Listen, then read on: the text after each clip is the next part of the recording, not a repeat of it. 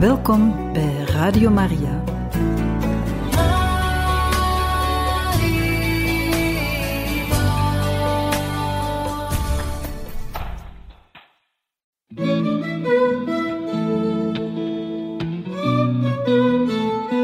De kerk spreekt.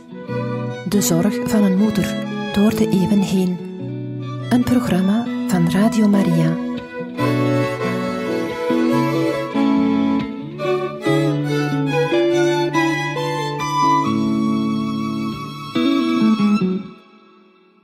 Harte welkom, beste luisteraars van Radio Maria, bij het programma De Kerk Spreekt. Vandaag lezen we u verder voor uit de encycliek Veritatis Splendor, geschreven door de heilige paus Johannes Paulus II op 6 augustus 1993. Ondertussen waren we aangekomen bij paragraaf 6 van het eerste hoofdstuk, dat luidt: Meester, wat voor goeds moet ik doen? Een passage uit het Evangelie volgens de heilige Matthäus, hoofdstuk 19, vers 16. Christus en het antwoord op de morele vraag. Paragraaf 6. Kom en volg mij. Uit het Matthäus-evangelie, hoofdstuk 19, vers 21. De weg en tegelijk de inhoud van deze volmaaktheid bestaat in de navolging van Christus, in het volgen van Jezus, nadat men van het eigen bezit en van zichzelf afstand heeft gedaan. Precies zo eindigt het gesprek met de rijke jongeling. Kom dan en volg mij. Het is een uitnodiging, waarvan de wonderlijke diepte door de leerlingen pas na de verrijzenis van Christus ten volle zal worden begrepen, wanneer de Heilige Geest hen in de volledige waarheid zal binnenleiden. Het is Jezus zelf die het initiatief neemt en ons uitnodigt om Hem te volgen. De oproep richt zich vooral aan diegenen aan wie Hij een bijzondere zending toevertrouwt, te beginnen bij de twaalf. Maar het blijkt even duidelijk dat iedere gelovige ervoor bestemd is om leerling van Christus te worden. Daarom is de navolging van Christus het essentiële en oorspronkelijke fundament van de christelijke moraal. Zoals het volk Israël God volgde, die het door de woestijn in het beloofde land voerde. Zo moet de leerling Jezus volgen tot wie de Vader zelf hem leidt.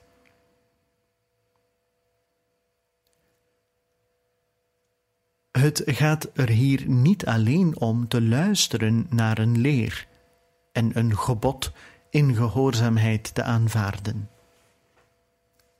Het gaat er heel radicaal om de persoon van Jezus zelf aan te hangen om zijn leven en zijn lot te delen, om deelname aan zijn vrije en liefhebbende gehoorzaamheid jegens de Vader.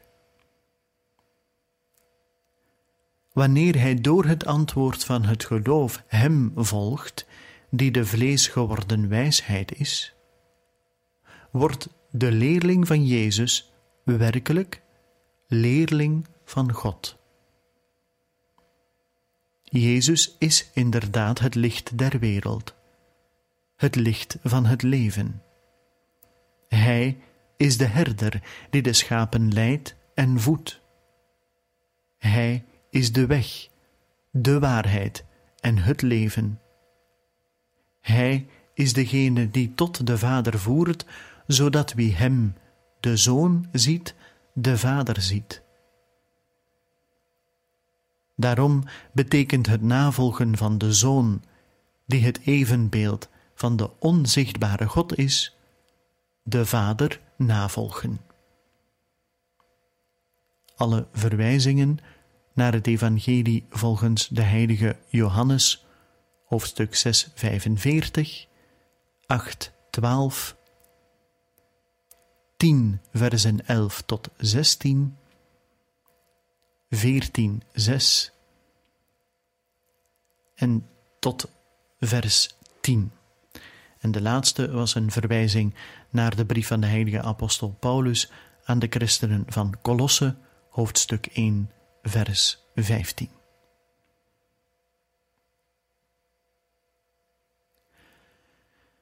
Jezus roept ertoe op Hem te volgen en te wandelen op de weg van de liefde voor Hem.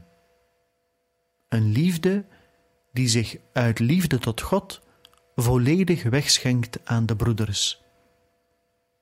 Zoals staat in het Evangelie volgens de heilige Johannes, hoofdstuk 15, vers 12. Dat is mijn gebod. Bemint elkander, zoals ik u heb liefgehad.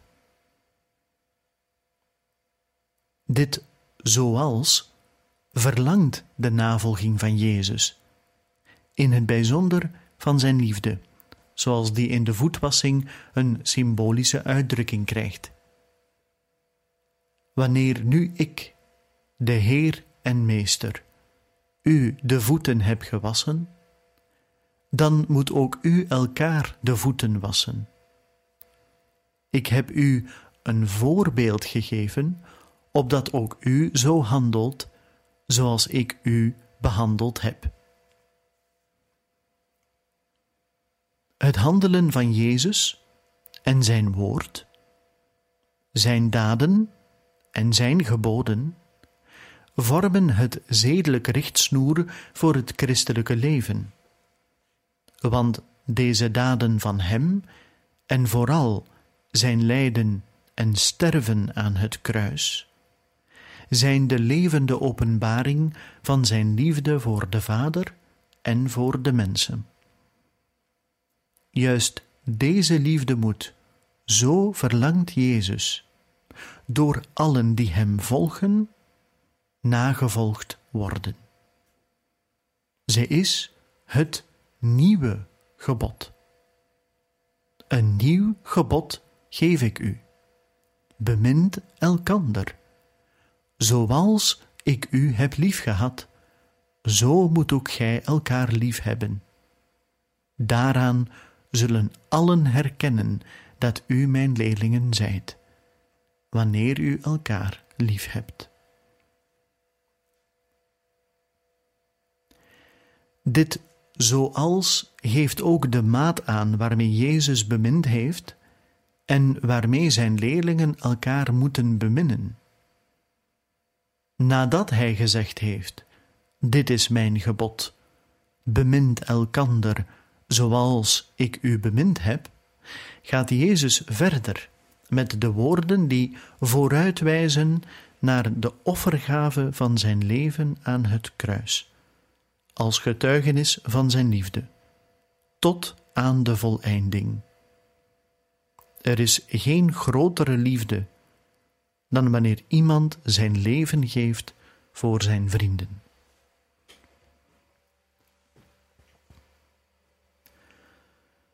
Wanneer Jezus de jonge man oproept om hem op de weg der volmaaktheid te volgen, verlangt hij van hem volmaakt te zijn in het gebod van de liefde, in zijn gebod.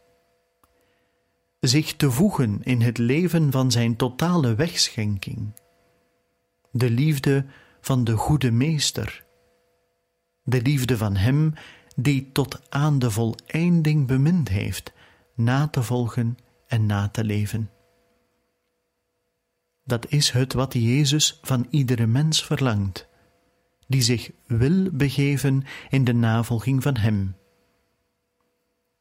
Zo horen we in het Evangelie volgens de heilige Matthäus, hoofdstuk 16, vers 24. Wie mijn leerling wil zijn, die moet zichzelf verloochenen. Hij neeme zijn kruis op zich en volge mij.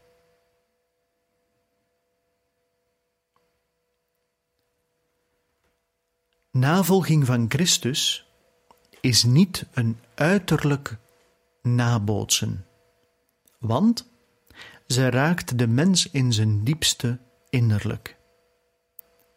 Leerling van Christus te zijn betekent aan Hem gelijk worden, Hem die zich tot knecht gemaakt heeft, tot de zelfgave aan het kruis toe.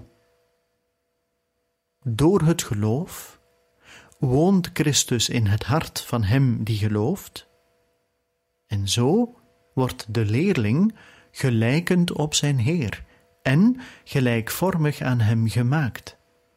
En dat is de vrucht van de genade, de werkzame aanwezigheid van de Heilige Geest in ons.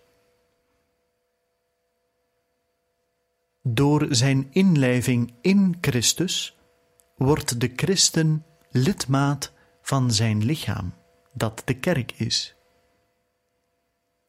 Onder de impuls van de Heilige Geest maakt de doop de gelovige op radicale wijze gelijkvormig aan Christus in het paasmysterie van dood en verrijzenis. Zij bekleedt hem met Christus. Zoals we kunnen horen in de brief aan de Galaten van de heilige apostel Paulus, hoofdstuk 3, vers 27. Laten wij blij zijn en dankbaar, roept de heilige Augustinus zich tot de gedoopten wendend uit. Wij zijn niet alleen christenen geworden, maar Christus. Wees verbaasd en verheugd. Wij zijn Christus geworden. Gestorven voor de zonde, ontvangt de gedoopte het nieuwe leven. Terwijl hij door God in Christus Jezus leeft, is hij opgeroepen om naar de geest te leven en van diens vruchten in het leven te getuigen. De deelname aan de Eucharistie, het sacrament van het nieuwe verbond, is het hoogtepunt van de gelijkwording met Christus, bron van het eeuwige leven, oorsprong en kracht van de totale zelfgave, die wij naar het gebod van Jezus, volgens het getuigenis dat Paulus heeft overgeleverd, in de Eucharistieviering en in het leven moeten gedenken. Zo horen we in de eerste brief aan de Corinthiërs, hoofdstuk 11, vers 26. Want zo dikwijls als gij van dit brood eet en uit de kelk drinkt, verkondigt gij de dood van de Heer, totdat Hij komt.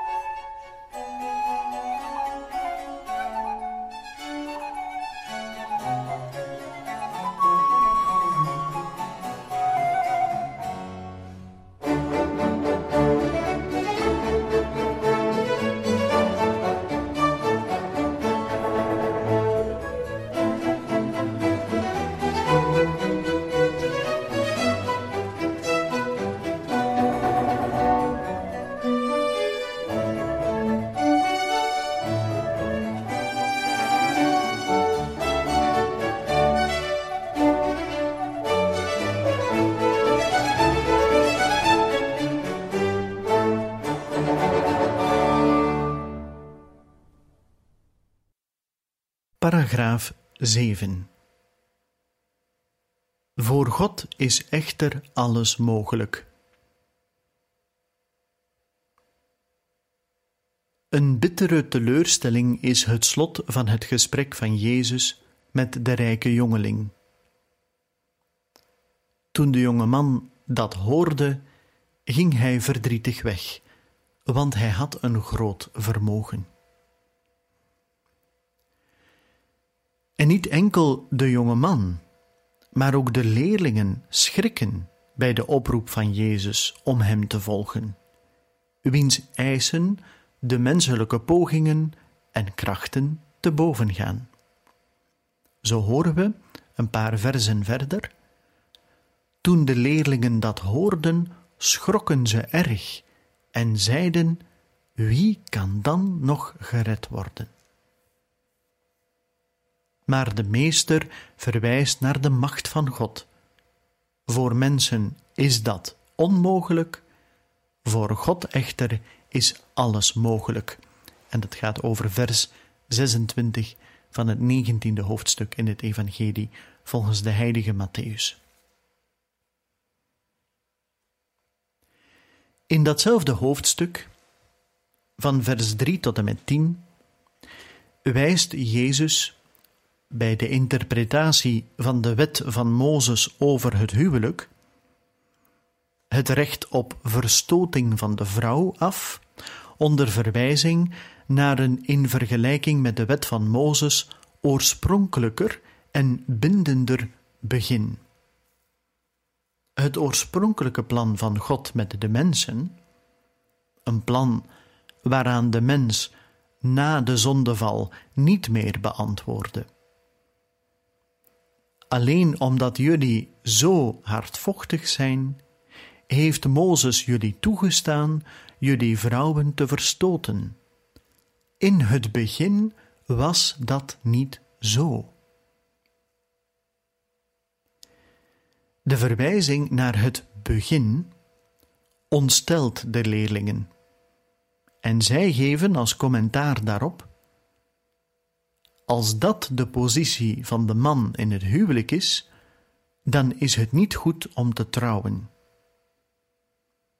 En Jezus, die zich op bijzondere wijze beroept op het charisma van het ongehuwd zijn, omwille van het rijk der hemelen. Vers 12. Maar een algemene regel geeft, verwijst naar de nieuwe, verrassende mogelijkheid die voor de mens door de genade van God geopend wordt.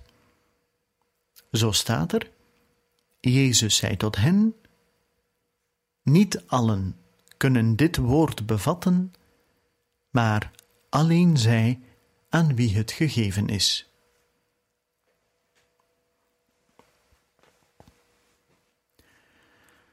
De liefde van Christus na te bootsen en na te leven is voor de mens op eigen kracht alleen niet mogelijk.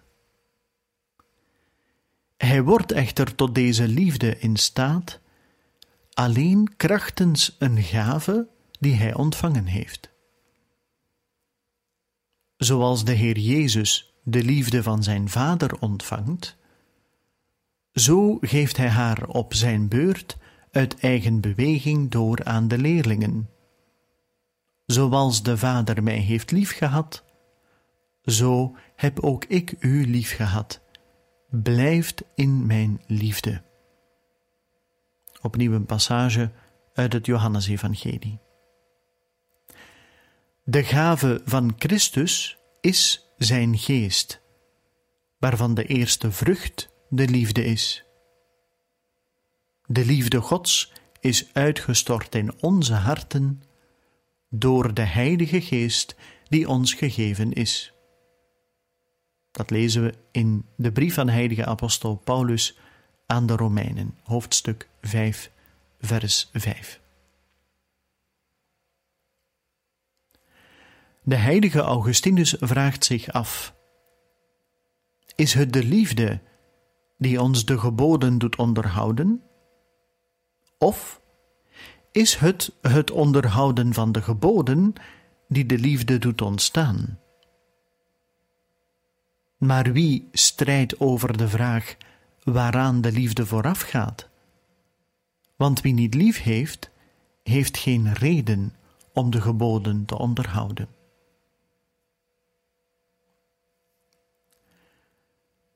De wet van de geest en van het leven in Jezus Christus heeft je vrijgemaakt van de wet van de zonde en van de dood.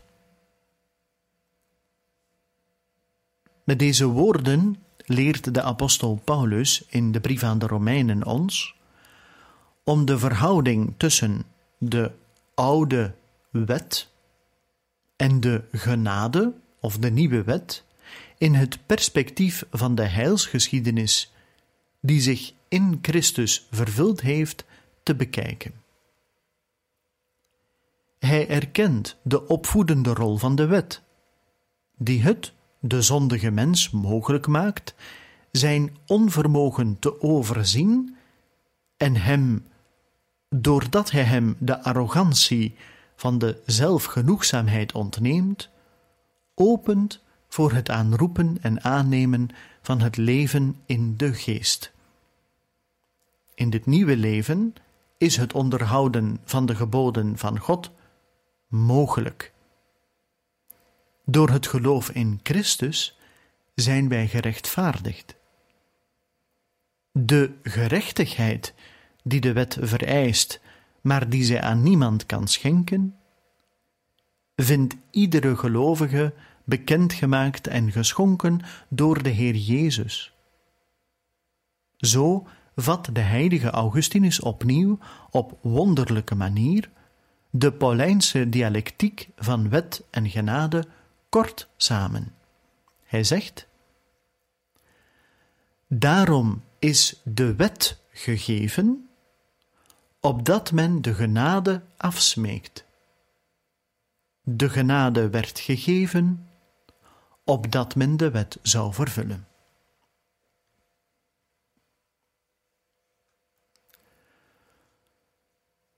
De liefde en het leven naar het evangelie mogen niet allereerst op het niveau van het gebod gedacht worden. Want dat wat zij verlangen gaat de krachten van de mens te boven. Ze zijn slechts mogelijk als vrucht van een gave Gods, die door zijn genade het hart van de mens heel en gezond maakt en het omvormt. Immers, de wet werd door Mozes gegeven, de genade en de waarheid kwamen door Jezus Christus. Daarom is de belofte van het eeuwige leven aan de gave van de genade verbonden, en het geschenk van de Geest dat wij ontvangen hebben, is reeds het eerste deel van onze erfenis.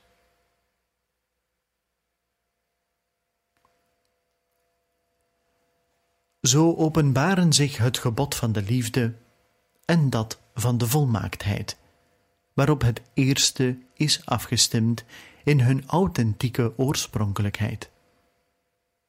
Het is een mogelijkheid die voor de mens uitsluitend door de genade, door de gave van God, door zijn liefde geopend wordt. Anderzijds bewerkt en draagt het bewustzijn in Jezus Christus de liefde Gods te bezitten, het verantwoordelijke antwoord voor een volle liefde tot God en onder de broeders. Zoals de apostel Johannes in zijn eerste brief indringend in herinnering brengt. Broeders, laten wij elkander lief hebben, want de liefde komt van God. Iedereen die lief heeft, is een kind van God en kent God.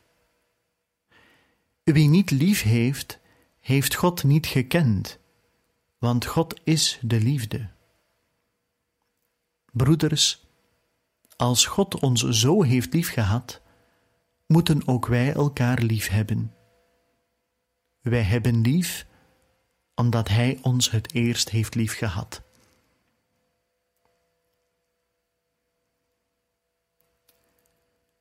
Deze onlosmakelijke verbinding tussen de genade van de Heer en de vrijheid van de mens, tussen de gave en de opgave, heeft de heilige Augustinus met deze eenvoudige en diepe woorden.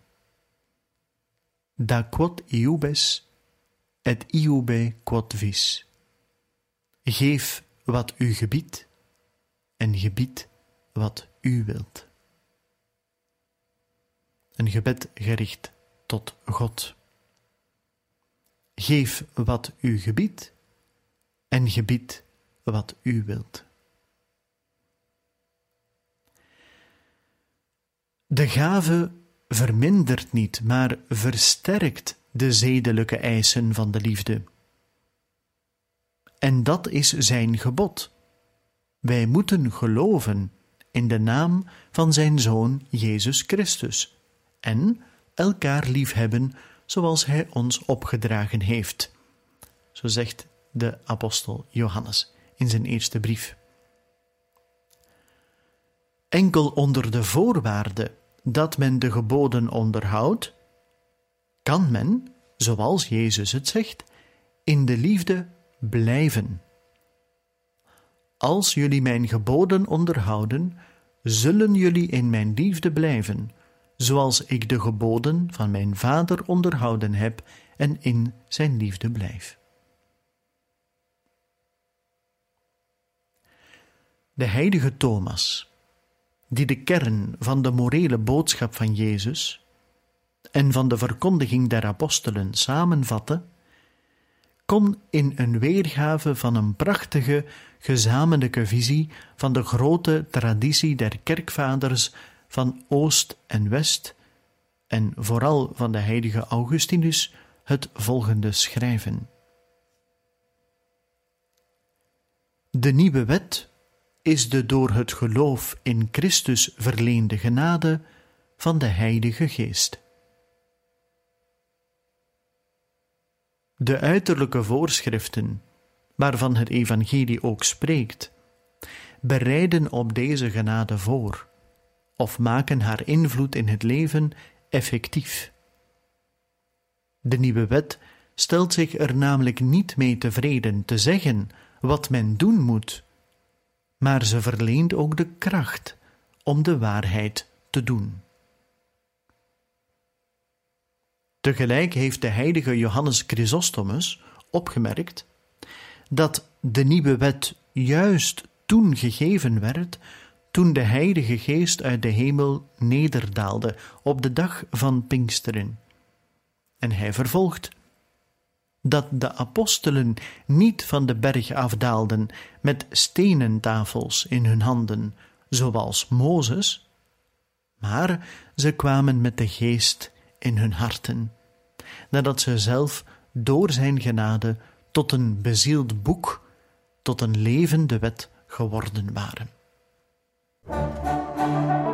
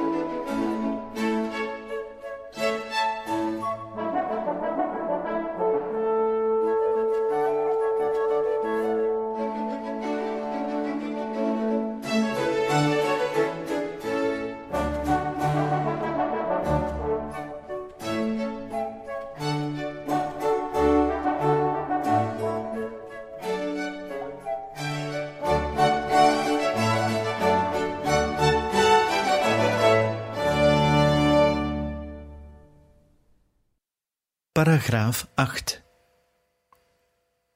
Ziet, ik ben met u alle dagen tot aan de voleinding van de wereld. Uit het Evangelie volgens de heilige Matthäus, hoofdstuk 28, vers 20.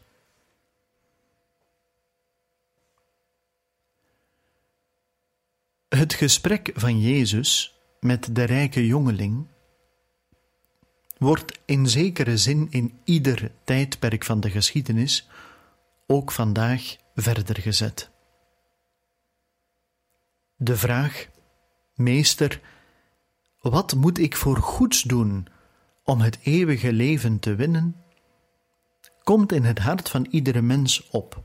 En het is altijd alleen Christus die het volle en beslissende antwoord geeft.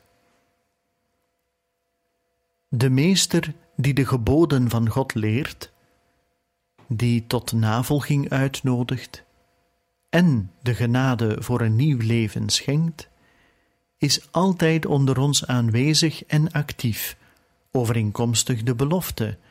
Ziet, ik ben met u alle dagen tot aan de voleinding der wereld. Het tegelijk aanwezig zijn van Christus met de mens van iedere tijd gebeurt in het levende lichaam van de kerk.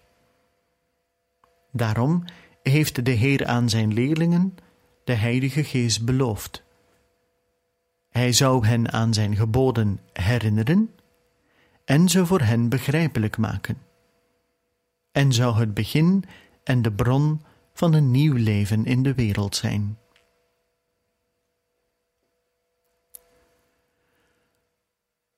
De door God in het oude verbond opgelegde en in het nieuwe en eeuwige verbond in de persoon van Gods Zoon vervulde zedelijke geboden moeten trouw bewaard en in de verschillende culturen in de loop van de geschiedenis steeds weer geactualiseerd worden. De taak om ze te interpreteren is door Jezus aan de apostelen en hun opvolgers opgedragen, met de bijzondere bijstand van de geest der waarheid. Wie u hoort, hoort mij. Zo zegt hij in het Evangelie volgens de heilige Lucas, hoofdstuk 10, vers 16. Met het licht en de kracht van deze geest hebben de apostelen de opdracht vervuld om het evangelie te verkondigen en de weg van de Heer te onderwijzen, waarbij ze vooral de eerbiedige beschouwing en navolging van Christus leren.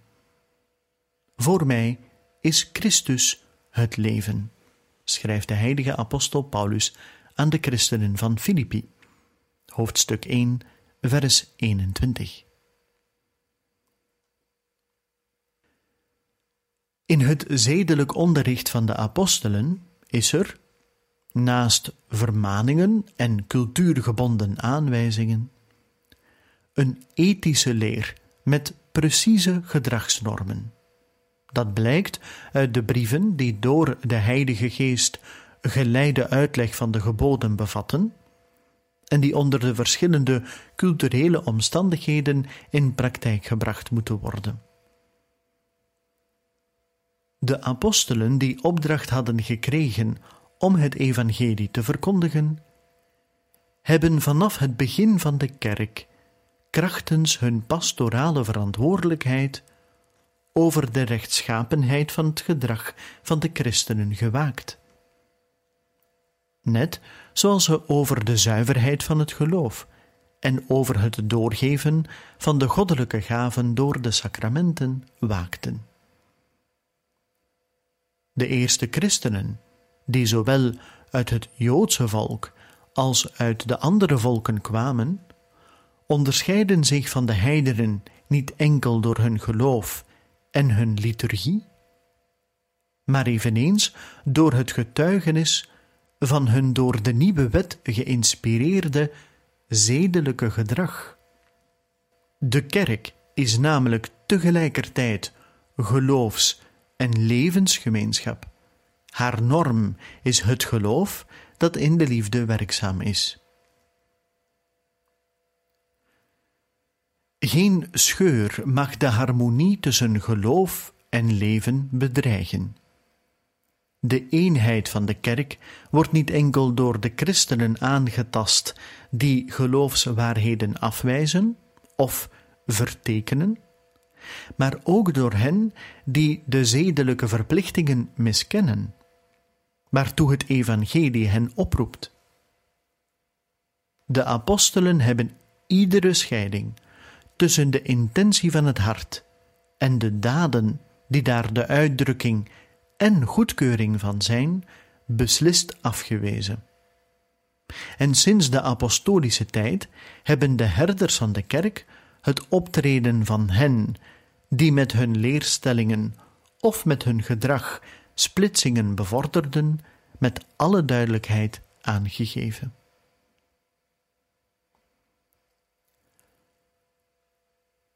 Het bevorderen en bewaren van het geloof en van het zedelijk leven in de eenheid van de kerk is de door Jezus aan de apostelen toevertrouwde opgave, die op het ambt van hun opvolgers overgaat.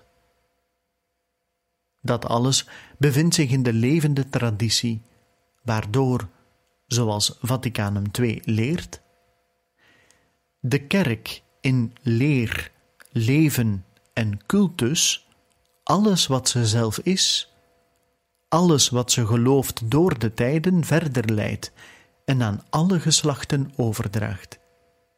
Deze apostolische overlevering kent in de kerk onder de bijstand van de Heilige Geest een vooruitgang. Een passage uit Dei Verbum. In de geest ontvangt de kerk de schrift en geeft die door als getuigenis van het grote dat God in de kerk bewerkt. Door de mond van de kerkvaders en leraars beleidt zij de waarheid van het vlees geworden woord, brengt zijn geboden en de liefde in het leven der heiligen en in het offer van de martelaren in de praktijk.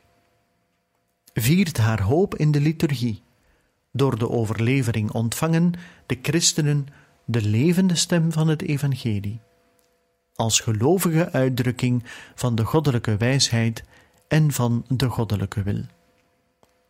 Opnieuw een verwijzing naar Dei Verbum.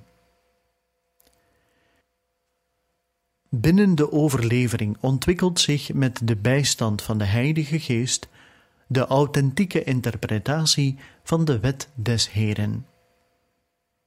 De Geest zelf die aan het begin van de openbaring van de geboden en van de leer van Jezus staat, garandeert dat zij heilig bewaard, getrouw aangeboden en in de wisseling van tijden en omstandigheden correct toegepast worden. Deze actualisering van de geboden is teken en vrucht van een dieper binnendringen in de openbaring en van een begrip van nieuwe historische en culturele situaties in het licht van het geloof. Ze kan echter alleen de blijvende geldigheid van de openbaring bevestigen en zich bij haar uitleg voegen in de stroom van de traditie, die door de grote traditie van leer en leven van de kerk gevormd wordt, en waarvan de leer van de kerkvaders het leven van de heiligen, de liturgie van de kerk en het leergezag de getuigen zijn. In het bijzonder is, zoals het Tweede Vaticaans Concilie zegt, de opgave om het geschreven of overgeleverde woord van God bindend te verklaren enkel aan het levende leergezag van de kerk toevertrouwd, welks volmacht wordt uitgeoefend in de naam van Jezus Christus. Opnieuw een citaat uit De Verbum. Op deze wijze toont de kerk zich in haar leven en in haar leer als de zuil en het fundament van de waarheid, waar we over horen in de eerste brief van de heilige apostel Paulus aan Timotheus, hoofdstuk 3, vers 15. Zuil en fundament van de waarheid. Ook van de waarheid over het zedelijk handelen. Inderdaad, komt het aan de kerk toe, altijd en overal, de morele beginselen, ook over de sociale orde, te verkondigen, zoals ook over menselijke dingen van allerlei aard, voor zover de grondrechten van de menselijke persoon of het heil van de zielen dit verlangen. Juist wat de probleemstellingen betreft, die voor de discussie over vragen van de moraal tegenwoordig kenmerkend zijn, en in welke omgeving zich nieuwe tendensen en theorieën ontwikkeld hebben, voelt het leergezag, in trouw aan Jezus Christus en in de continuïteit van de traditie der kerk, het als zeer dringende plicht haar eigen oordeel en haar leer aan te bieden, om de mens op zijn weg naar de waarheid en de vrijheid behulpzaam te zijn. En zo, dierbare luisteraars, zijn we aan het einde gekomen van deze aflevering van De Kerk Spreekt, waar we u konden voorlezen uit de encycliek Veritatis Splendor van de heilige paus Johannes Paulus II, geschreven op 6 augustus 1993. Na een eerste hoofdstuk dat we nu hebben beëindigd, komen we aan het tweede hoofdstuk met de titel Past u niet aan de denktrand van deze wereld aan, een vermaning die afkomstig is van de heilige apostel Paulus en terug te vinden in de brief aan de Romeinen, hoofdstuk 12, vers 2. De kerk en de beoordeling van enkele tendensen van de tegenwoordige moraaltheologie. En daar gaan wij een volgende keer mee verder. Van harte dank voor het luisteren. Graag tot een volgende keer.